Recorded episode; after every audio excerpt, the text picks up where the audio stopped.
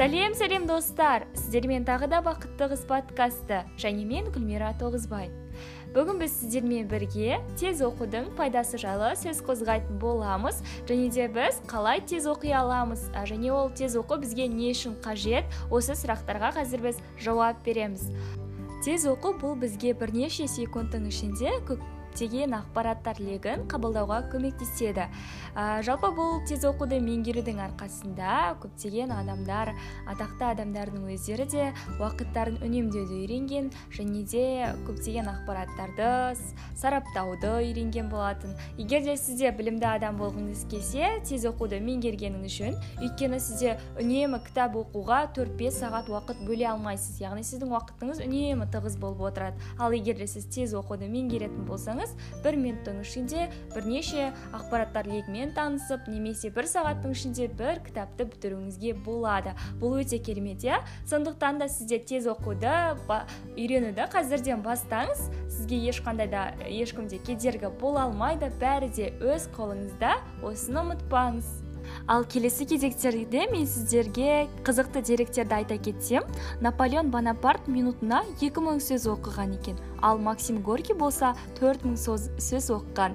Ә, және де онере де бальзак 200 беттен тұратын романды 30 минут ішінде оқып бітірген. Бұл өте керемет деңгей иә?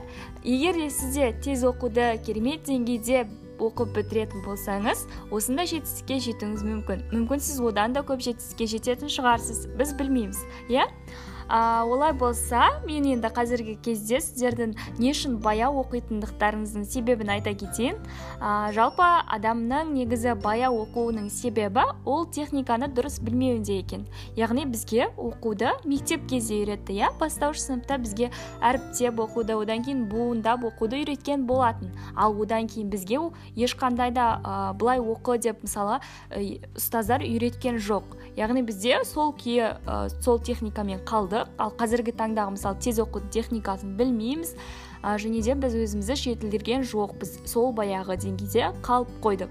Мысалы егер де кітап оқымайтын мүлдем кітап оқымайтын адамдар болса олар сол баяғы бастауыштың деңгейімен минутына елу жетпіс сөзге дейін ғана оқуы мүмкін. Яғни олар одан кейін кітап оқыған жоқ өзін жетілдірген жоқ. Ал егер де өзімен өз мысалы өзі қызыққан кітаптарды оқып білім ізденушілер болса олар минутына енді 200 сөз немесе 250 сөз оқуы мүмкін. Ал бірақ олар тез оқуды меңгереді. Болса минутына 2000 сөзге дейін оқуына болады. Ал келесі кезекте бізде ол ә, көз аямыздың тар болуынан біз мысалы кітаптарды оқи алмай жатамыз. Ал егер де тез оқитын тез оқуды меңгерген адам болатын болса ол бір беттің өзін мысалға бір қарағанның өзінде шолып өтуі мүмкін яғни сол арқылы барлығын есте сақтап қалады. Ал біз болса әр жолды мысалға әр әріпті былай оқып отырамыз яғни біздің көз аямыз тар біз сол әр жолдарға қарауға үйреніп қалғанбыз. Ал үшінші бізде ол регрессия. Яғни сіз мысалға кітап оқып жатасыз да одан кейін келесі бетке өткен кезде мына бетте не жазылғанын ұмытып қаласыз. Яғни сосын қайтадан ол бетті оқуыңызға тура келеді.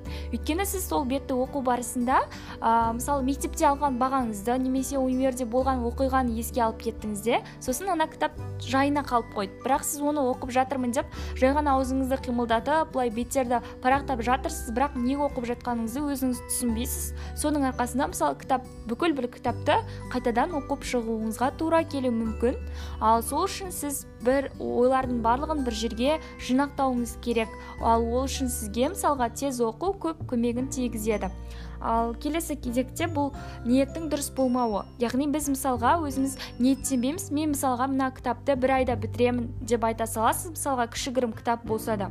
Ал егер де сіз ол кітапты бір аптаның ішінде бітіремін немесе мен ол кітапты екі күннің ішінде бітіремін деп өзіңізге дұрыс ниет қоя білетін болсаңыз сонда сіздің оқу деңгейіңіз де жоғарылайтын болады. Яғни сіз ол кітапты бітіргенше асығатын боласыз. Ә, сол арқылы сіз мысалға қазіргі таңдағы білімді адамдардың қатарына қол жеткізе аласыз. Ал егер де сіз мысалға ақпараттар легімен тез тез танысатын болсаңыз мысалы 5 минутыңызды жұмсап қаншама журналдарды бір шолып өтсеңіз газеттерді бүгінгі газеттерді шолып өтсеңіз сіз мысалға біршама ақпараттан ә, хабар ә, беріп отырасыз яғни хабардар болып отырасыз және де басқа адамдармен сөйлескен кезде де өзіңіздің білімді екеніңізді көрсете аласыз. Сол үшін де тез оқу өте керек деп ойлаймын.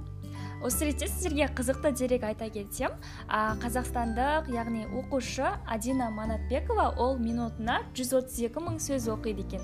Яғни бұл өте керемет деңгей және де ол тез оқу курсының арқасында осындай деңгейге жеткен. Ал ендеше біз сіздермен қазір тез оқу үшін яғни тез оқуға жаттығу үшін ә, қандай жаттығулар жасау керек және де оны қалай жаттықтыру керек ә, сол жайлы айтатын боламыз. Ә, ең алдымен тез оқуды меңгеру үшін сізге перифериялық яғни көзіңіздің аясын көру аясын үлке яғни ә, тар деңгейден жоғары деңгейге өткізу керек. Яғни сіз бір қараған кезде бір бетті бүкілін қарай алуыңыз керек. Ол үшін сізге шульте кестесі көмектеседі мысалы интернетке жазып қарасаңыз шульте кестесі деп жазсаңыз ол жерде көптеген түрлері бар кестенің. Яғни сіз сол кестелердің өзіңізге ыңғайлы түрмен жаттығып көре берсеңіз басқалармен де яғни сіз бірнеше кесте түрлерін өзіңізге тартып алыңыз. Яғни телефоныңызға жүктеп алыңыз сосын сол кестелер арқылы жаттығыңыз. Сол арқылы сіздің көзіңіздің көру аясы үлкейетін болады. Және де сіз бір қараған кезде бір бетті жаттап алатындай көріп алатындай боласыз. Ал енді келесі бізде регрессия оқуыңыз керек ол үшін. Ал ол үшін сізде мысалы ең алдымен кітапты оқыған кезде бірінші кезекте оның авторымен танысыңыз. Өзіңізге мысалы қызықты кәсіпкерлікке қызығатын болсаңыз сол кәсіпкердің ә, кітаптарын алыңыз. Кәсіпкерлікке байланысты жазылған кітаптарды алыңыз да оның авторымен танысыңыз бірінші.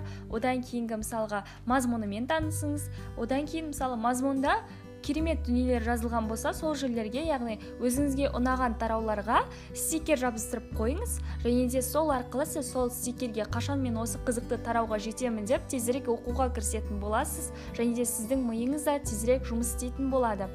Сосын әрдайым сіз кітап оқыған кезде ә, саусақтарыңызбен немесе карандашпен алғашында ә, жолдардан жылжытып отырыңыз. Және де мысалы бір жолды мысалы он бір деп айтқанша оқып бітіруге тырысыңыз. Яғни оны ұзақ былай оқып отырмаңыз. Өйткені сіз сол ә, әр жолға ұзақ қарап отыра беретін болсаңыз сіздің миыңыз шаршайды да одан кейін басқа нәрсені ойлап кететін болады. Яғни содан кейін сіз мысалы не оқып жатқаныңызды ұмытып қаласыз. Ал егер де тез тез әр жолды былай ә, саусақпен немесе карандашпен жүріп өтетін болсаңыз сіздің миыңыз сол нәрсенің барлығын қабылдап алуға бейім болады. Және де сіз жаңағы шылтек кестесін пайдалану арқылы өзіңіздің ә, әртүрлі мысалға тезірек ақпаратты қабылдау деңгейіңізді арттыруыңыз мүмкін. Және де бір бетті толығымен мысалы жаттап алу деңгейіңізді арттыруыңыз мүмкін. Сол үшін де сізге тез оқуды қазірден бастап меңгеру керек. Олай болса сіз курсты бастамай тұрып алдымен өзіңіздің жылдамдығыңызды анықтап алыңыз. Яғни секундомер қойыңыз да сол бір минуттың ішінде қанша сөз оқисыз. Ә, сол нәрсені анықтап алыңыз. Одан кейінгі өзіңізге мақсат қойыңыз. Мысалы мен ә, сіз минутына 200 сөз оқитын болсаңыз мен осы тез оқудың арқасында 600 сөз оқимын. Яғни минутына 600 сөз оқимын деп мақсат қойыңыз. Және де сол мақсатқа жету мақсатында көптеген кітаптарды оқыған кезде жаңағы тез оқу курсында яғни тез оқуға байланысты жаттығуларды қолданыңыз. Одан басқа да негізі интернетте ә, көптеген видеолар бар. Солардың барлығын да қарап көріп жасап көріңіз және сол арқылы өзіңіздің мақсатыңызға жетуге тырысыңыз. Қазіргі таңда негізі ақпараттар легі секунд сайын ауысып отырады. Ол ақпараттарға ілесу үшін сізге осы курстан өту керек. Және де сізге мысалға жаңа бір кітапты оқу керек болса осы тез оқу курсының арқасында және де сіз тез оқудың арқасында сіз ол кітапты бірнеше сағаттың ішінде оқып шығуыңызға болады. Бұл қиын емес. Олай болса сізге сәттілік тілеймін құрметті досым. Ә, көріскенше және де келесі подкастымды тыңдайсыз деген ойдамын. Сау болыңыз сіздермен бірге болған гүлмира тоғызбай.